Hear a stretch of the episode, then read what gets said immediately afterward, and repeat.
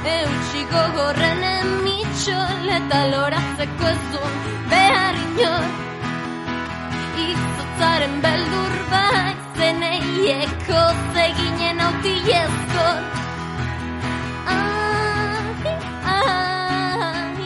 Kaixo, ongi etorri, Durantziko Mitxoleta Libertarioen amazazpigarren saio honetara. Hemen txainoa ezeiza, zuen belarrietan. Besarkada bat denoi. Eta ea lortzen dugun, tarte bat ateratzea, hizkuntzen evaluazioaren inguruan, hausnartzen sagitzeko. Saio honetan, feedback moten inguruan arituko gera. Eta bereziki feedback zuzentzaia eta feedback iradokitzailea zer diren azaltzen saiatuko gera eta alizan ezkero gehiagi luzatu gabe. Bueno, egia esan, e, tesi doktoralean, 2008aren bukaeran defendatu nun tesi doktoralean, atal luze bat hartu nuen eskaini nion e, feedbackaren gaiari. Neri oso interesgarri iruditzen zait, eta sakontu nun baita ere zeikerketa egin ziran, eta bar, eta horregatik ideia batzuk botako ditut hemen, eta gero gehiago jakin nahi izan ezkero lasai galdetu bestela hau oso luze izango da eta ez da izango astuna gertatuko litzateke bestela, ez? E, pres gara programako formazioa egiten zabiltzatenok, ikastaroa sakondu izango dugu, ba, interesatzen zaizuena, eta gainerako entzuleo programako fitxan dakazue blogerako esteka, eta saionen transkripzioarekin batera eta hola, eta nahi izan ezkero, bertan, jarri, zuen iruzkina, aspaldi egiten zen moduan, ez, blogen iruzkin bat eginez, eta bestela Twitterren ere banago, haino ez eiza kontuan. Bueno, az gaitezen orduan. Aurreko bi saioetan, aipatu genuen, hizkuntzen irakaskuntzan komunikazio gaitasuna dela ardatz. Eta horrek esan nahi du, komunikazio gaitasunean zentratu behar degula evaluazioa. Piskat, gogoratu, ez, aurreko bi saioetan komentatutakoa gogoratuko dugu pixka bat, ez? Gaitasun linguistikoa landuko dugu, bai, hori, errek ez du, gauza batek ez du besteak kentzen, eh? gaitasun linguistikoa landu behar dugu, baina beti testu inguru komunikatiboan kokaturik, eta testu inguru komunikatibo zehatz horrek eskatzen duen zorroztasuna kontuan hartuta. Horrek esan nahi du, Adibidez, ez genukeela zuzentasuna berdin baloratu behar lan akademiko batean edo pertsonarteko komunikazioan. Ez dira irizpide berberak aplikatu behar jarduera mota guztiei. Hor, amabosgarren irratsaioan esan genuen, gaitasun batzuk landu behar zirela, ez, ez balioaren edo eskolan lantzen denarekiko, ez?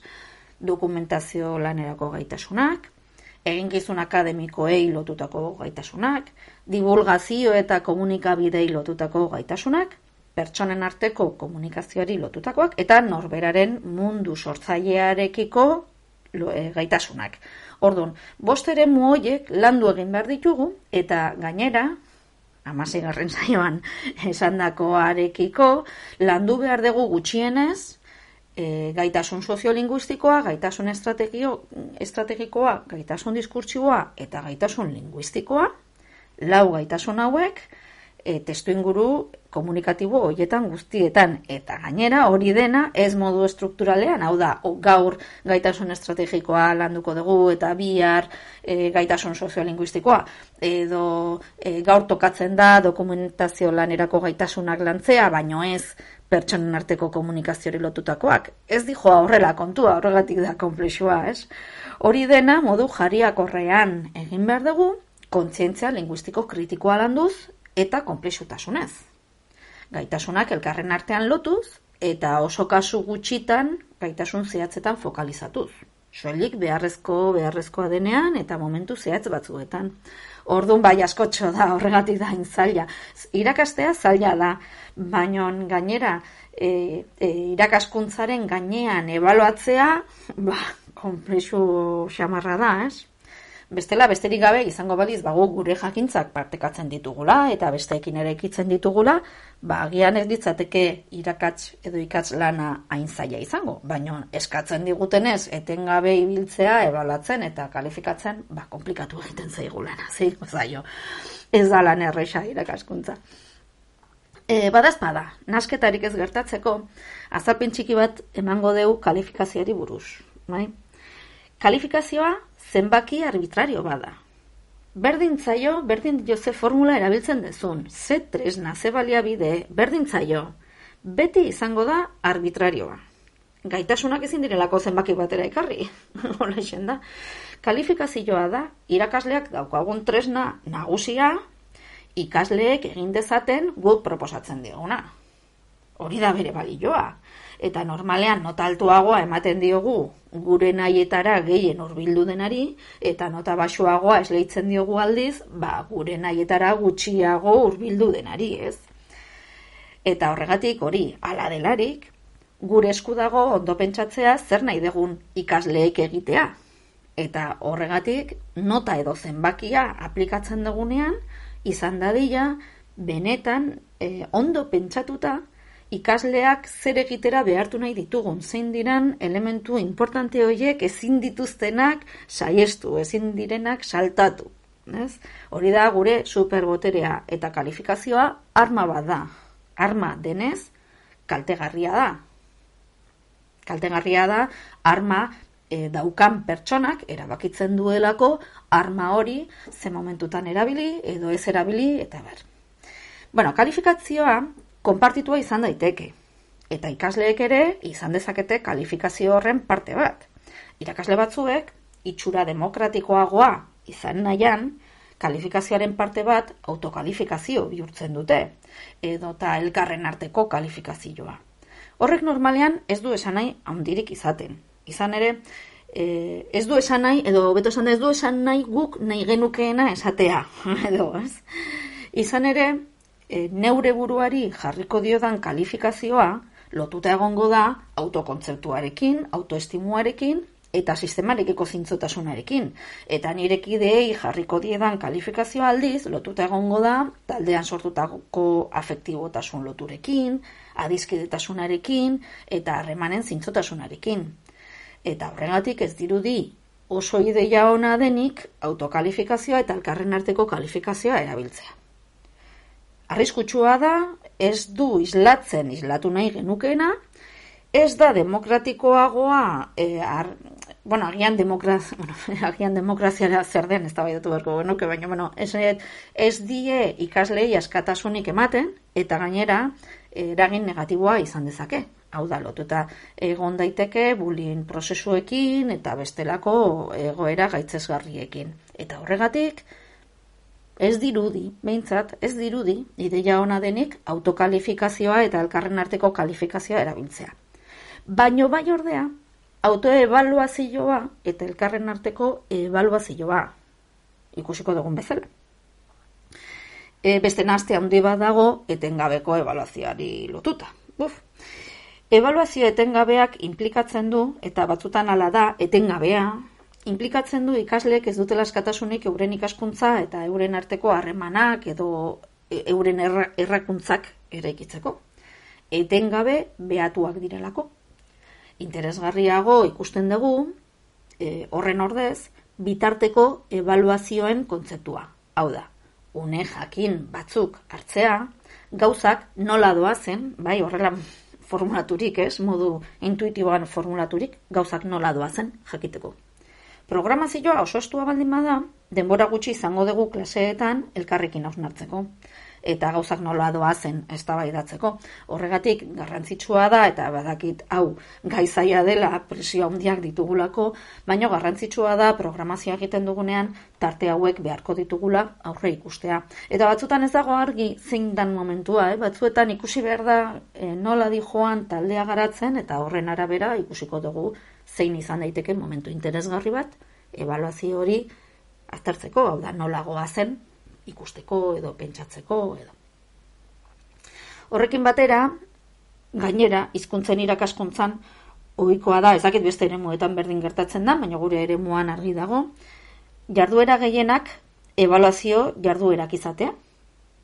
Honekin zesan edo, ba, adibidez, testua irakurtzen, testuak irakurtzen direnean, testuak galdera batzuk edo ariketa batzuk izaten ditu loturik irakurritakoa ulertu gote den konprobatzeko, hori evaluazio jarduera bada, oso bideratua gainera, baina gainera oso mugatzailea.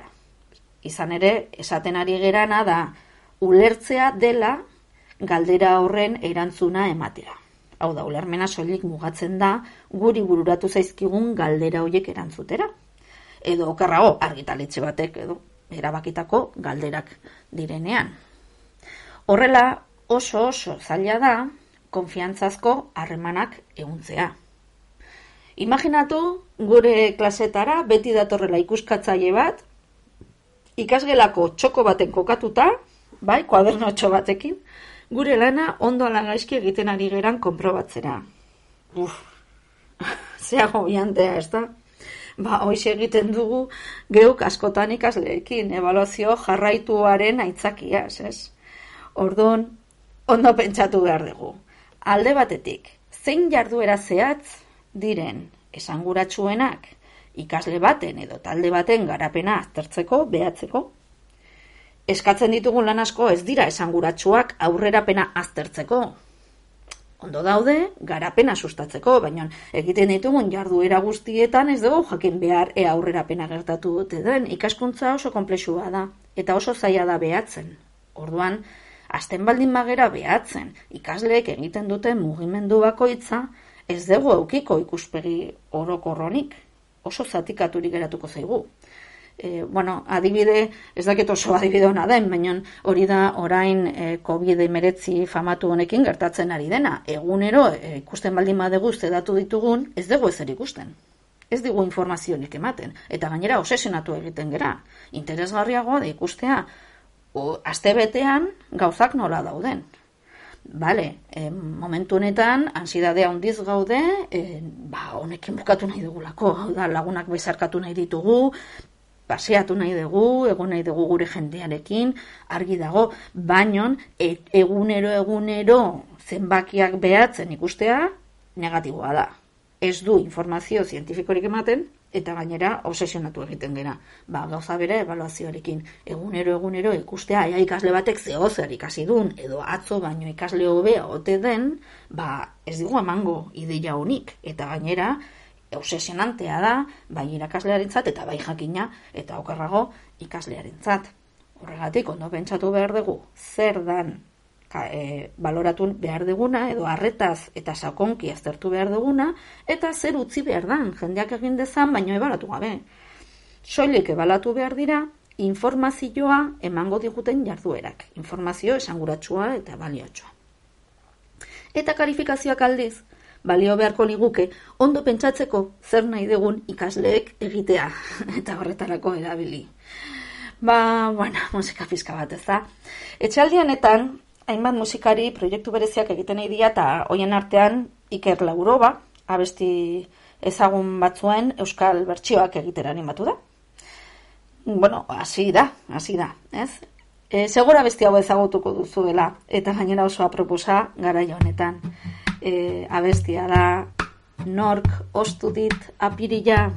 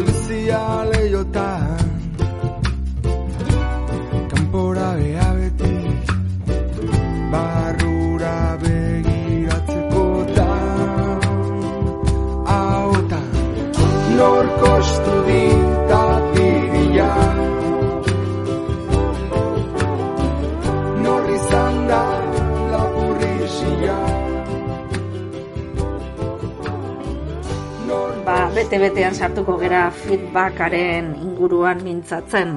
Bueno, ea ba. Ebalazioa atzera begirada bat izaten da. Baina askotan, atzera begirada horrek oztopatu egiten digu evaluazioaren benetako balioa ulertzen. Frau Esteinen eh, asko gustatu zitzaidan lan hau eh, liburu hau irakurri nuen hain duela bat urte. Eh, Feuerstein eta bere taldeak mila beratzeron dalaro gita zortzian, oso liburu interesgarria arkitaratu zuen, eta ja bakarrik izenburua irakurrita asko esaten digu. Eta da, don't accept me as I am, helping retarded people to excel. Bueno, nire ingeles ez da oso txukuna, baina bueno, ez nazazu onartu naizen bezala. Eta bertan, e, e, liburuan azaltzen du nola lagundu atzeratuta daude dao, dagoen jendea e, excelentziarako edo bikaintasunerantz, ez? Bueno, gero hor liburuan e, azaltzen du ze mm, gure burmuina berez oso malgua dela eta oso zaila dela jakitea segun orain nola nagon nola norantz joango naizen. Aurre ikuspen hori oso zaila da liburuan azaltzen zuten e, Pigmalion, deritzon efektu hori, edo la profezia autokumplida, ez? Atzerako evaluazioak eragiten duena. Aldiz, gure evaluazioa aurrerantzkoa baldin bada, soziokonstruktibismoan evaluazio dinamikoa deitu ziotena, ikasle batek eta ikasle talde baten evaluazioa e, bueno, evaluazio egiten dugunean, bai pertsonarena eta bai taldearena, talde txiki, taldea esaten dugunean izan daiteke talde txiki bat, iruko edo lauko edo bosteko taldea, eta baita ere ikasgelako talde osoa. Guk normalean hiru e, talde katze hoiek aztertzen ditugulako. Norbanakoa, talde txikia edo bere lagun edo ingurukoen taldea, eta talde osoa, ez? Piska bat horrela. Orduan, ikasle baten eta ikasle talde baten ebaluazio egiten dugunean, pentsatu behar dugu ze informazio eman behar diegun beraiei aurreraka egiteko hau da ikasten segitzeko. Horrek suposatzen du, nartu behar degula, jendea aldatzen dela. Hori da, Feuersteinek eta diotena. Jendea aldatu egiten da. Eta ordun, orain arte egindakoak, ez duela zertan baldintzatu hemendik aurrera egingo duena. Horrexegatik da horren zaila feedback ona ematea. Ezin degulako jakin nola eragingo dion feedback horrek eta nola joango den aldatzen ikasle bakoitza etorkizunean, bueno, etorkizun hurbilean, esan nahi dut, ez? Nola joango dan aldatzen. Hala ere, feedback esanguratsua oso beharrezkoa da. Orduan, eman behar dugu eta gainera e, ez dakigu asmatuko dugun ala ez gure feedbackarekin. Hau da, ez jakintasun horretan mugitu behar dugu edo e, segurtasun falta horretan mugitu beharko dugu. Oroar, zenbat eta kontrola handiagoa izan ikasleak bere komunikazio estrategien gainean, hau da, zenbat eta hau auto ezagutza edo ulerkera, auto ulerkera esango nuke ez, hainbat erantzukizun handiagoa izan alko du, ba, bere komunikazio hipotesiak formulatzeko eta balatzeko hau da gehiago arriskatuko da zenbat eta hobeto ezagutu e, bere komunikazio gaitasuna, ordun eta arrisko handiagoak hartuko ditu ba, bere hipotesiak formulatzeko eta ebalatzeko, ez? Areago, zenbat eta aukera gehiago izan ikasleak bere arrozanamendua irakasle eta ikaskidei azaltzeko hau zein idatziz, hainbat aukera gehiago izango ditu sozial eta pertsonalki eraikitzeko munduaren eta bere buruaren gaineko azalpenak. Hau da, edo zein ikas prozesutan komunikazioa gako da nork bere eh, eraikitze hori joateko egiten besteekin batera. Hori bizka soziokonstruktibismoak esaten duena da, baina beste ikuspegi batzuetatik ere aztertzen da, ikuspegi dialektikotik ere ikusten da ze garrantzitsua den kontrastatzea, nik pentsatzen dudana bestekin partekatzea, jakitea hori nola espresatu, eta bar, e, hau, mm, oso nabarmena izan daiteke, bigarren hezkuntzan edo batxilergoan edo lanbide ziketan ari zeraten, oi? Zeratenon, e, e, zeratenok egiteko, esan idet. E, desberdina da nola landu hori aur eta lehen hezkuntzan.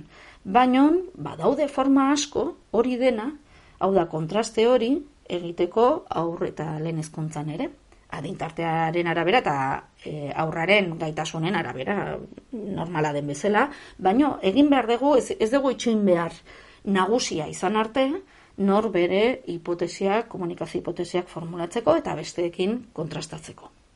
Aldatzen dena da, tresna edo modua. Eta hala, komunikazio gaitasuna garatzeko eta ebaluatzeko, edozin proposamen delarik ere, norantza bakarreko osea, egin behar duguna da, ez bakarrik norantza bakarreko ekoizpenak, hau da, e, testu mono kudeatuak, baizik eta kombinatu behar ditugu ekoizpen sozial polikudeatuekin, hau da, e, egin behar dugulan bai individualki, bai taldeka eta bai kolektiboki.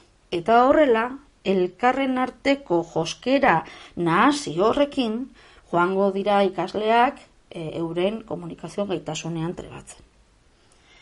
E, bueno, agian momentu ona da beste musika tartetxo bat hartzeko, ja e, falta zaigun gauza bakarra e, saio honetan da zehaztea zer dan feedback, esan, e, feedback zuzentzaia eta feedback iradokitzaia, baina hori egingo dugu musika pizkatxo baten ostean. Hainbat abeslarik, senpelarren eintzai dazu bisita, bertsoen bertsio hau egin dute. Digarri egin zait, e, bertso hiek asko gustatzen zaizkit, nola hitz egin zion edo esan zizkion bertsuak senpelarrek iperragirreri. Eta kaso honetan, kulturan iztasuna aldarrikatzeko egin dute kanta.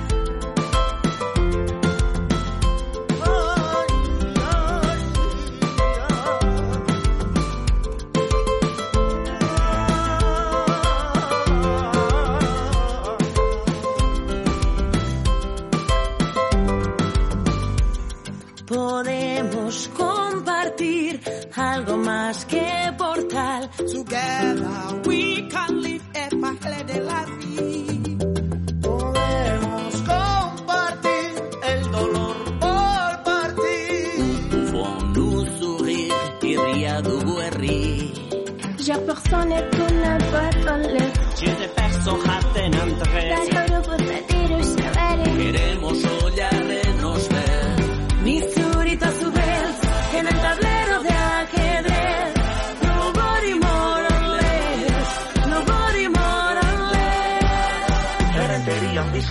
eta Dala ilusia nula frika Questo è la mia cita Egin zaidazu bisita Errenterian bizi naiz eta, dala ilusia nula. Bueno, ba, zer dakigu irakasleen feedbackaren balioari buruz?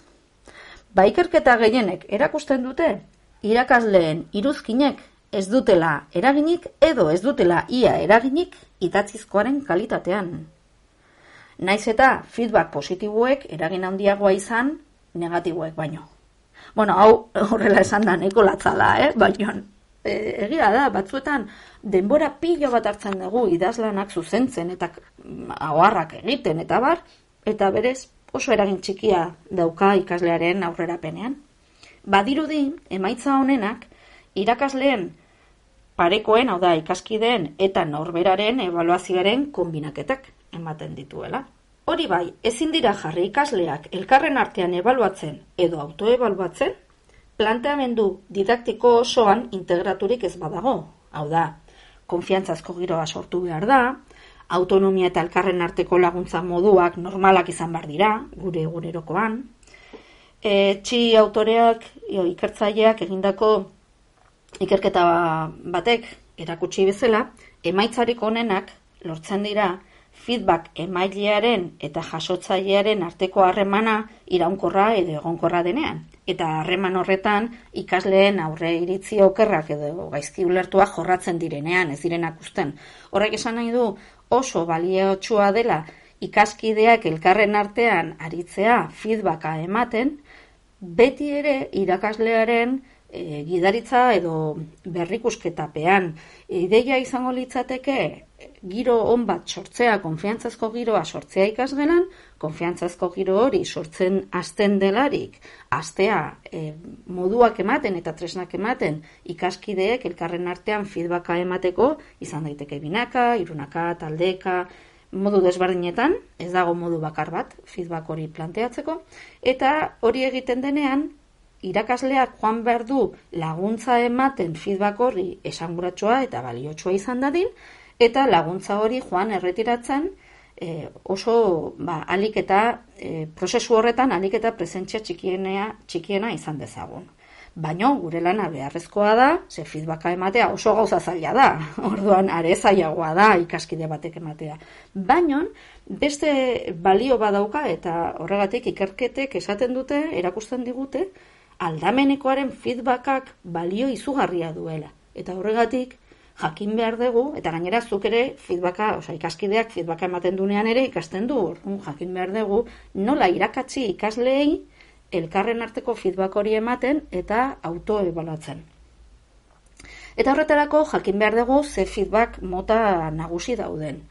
E, feedbacka emateko moduen inguruan garatutako esperientzietan identifikatutako zailtasun nagusietako bada, askotan feedbacka zuzentasun normatiboari lotuta dagoela, hau da, e, zuzen oker, bai? E, ortografia, deklinabidea, aditza, sintaxia, olako elementuak.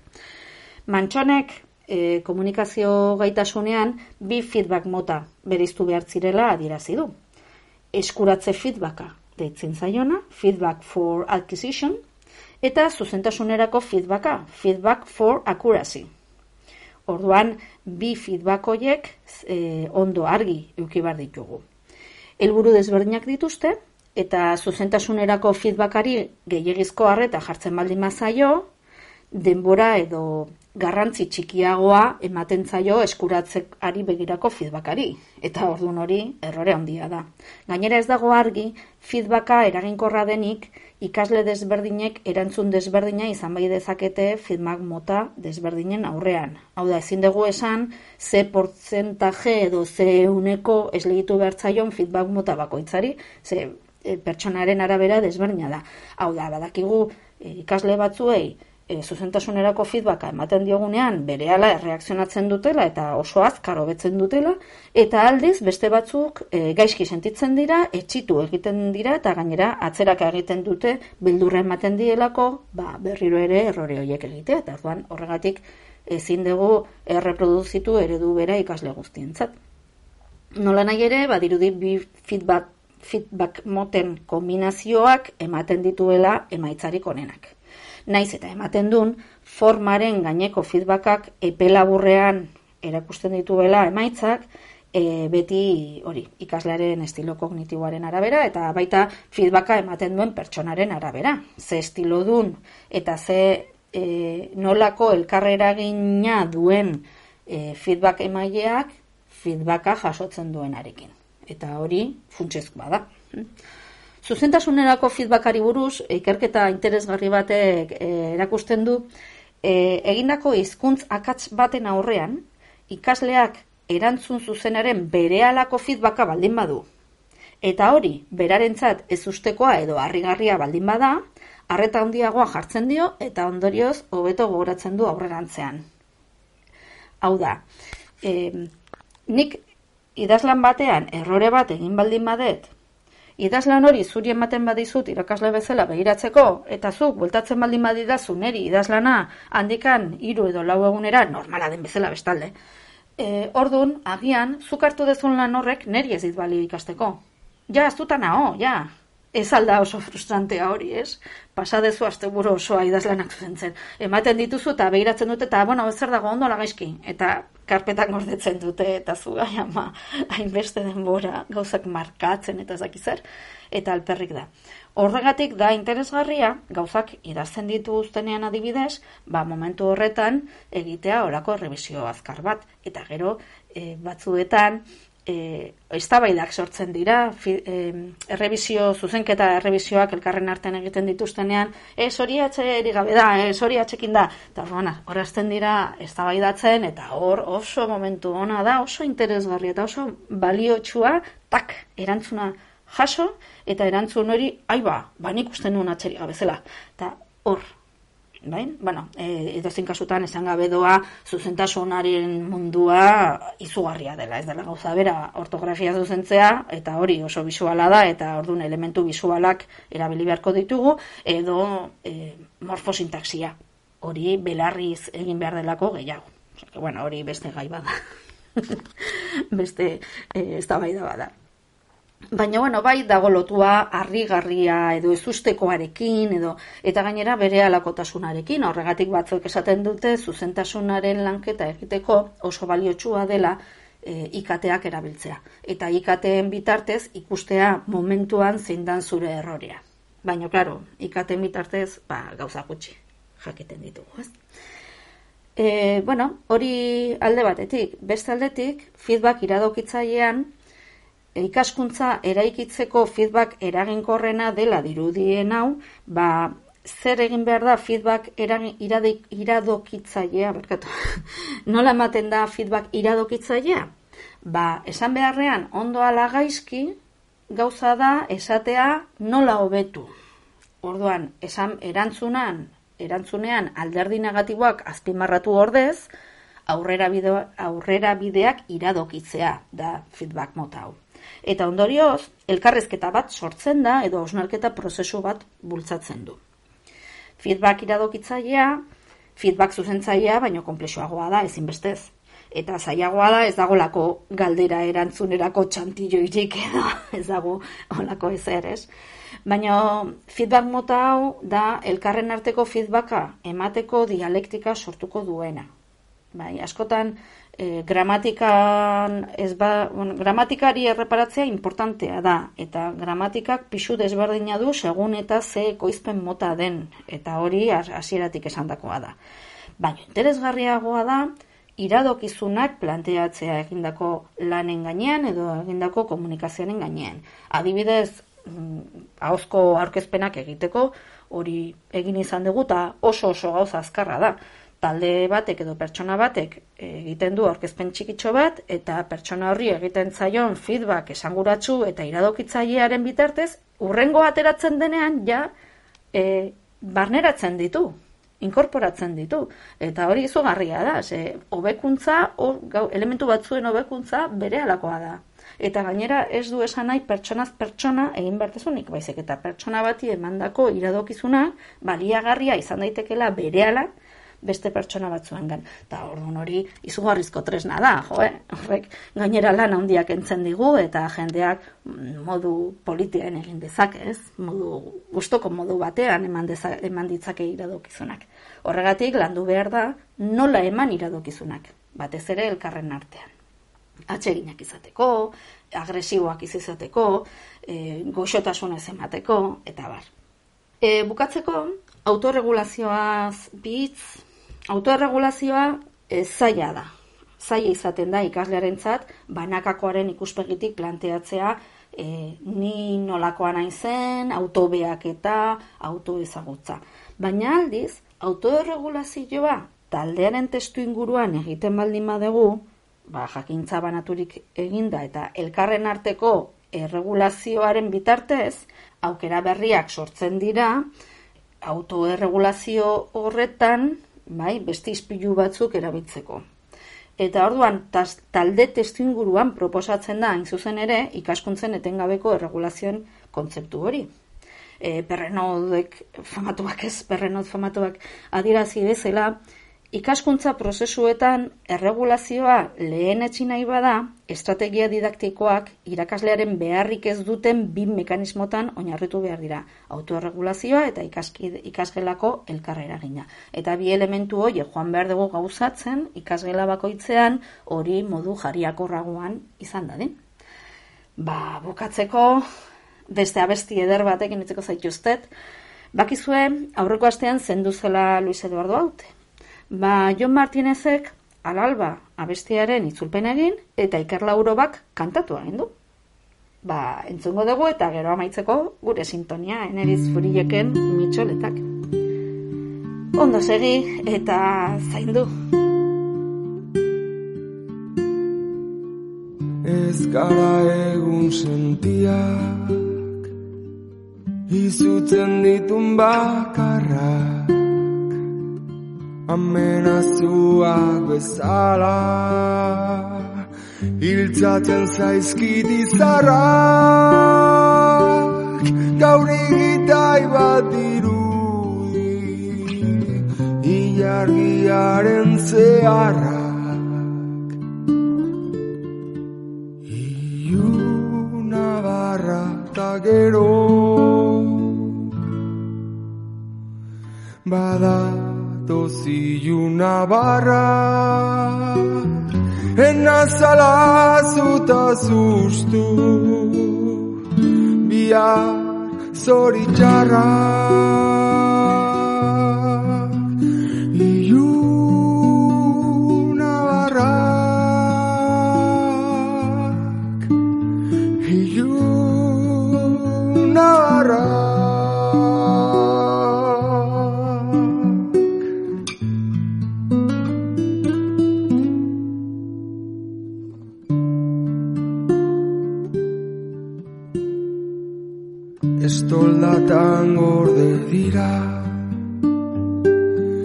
izan ez ditun aurrak azken loreak irensten badakiaien negarrak atzoko dolaren goze segitzen bai du biharrak. Iuna barra eta gero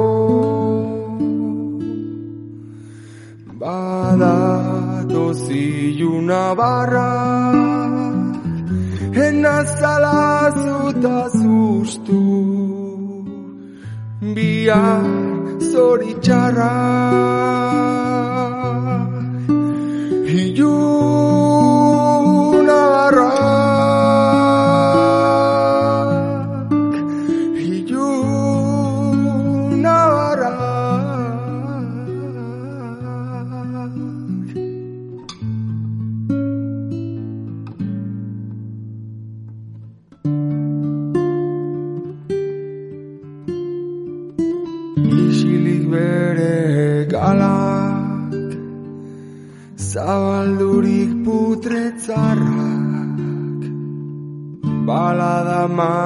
makabro ontan Bildu ditu gizatxarrak Polbora usaina daka Goizeko lehen zugarrak Iluna barra eta gero Badatoz iluna barrak Enazala zuta zuztu Bia zoritxarrak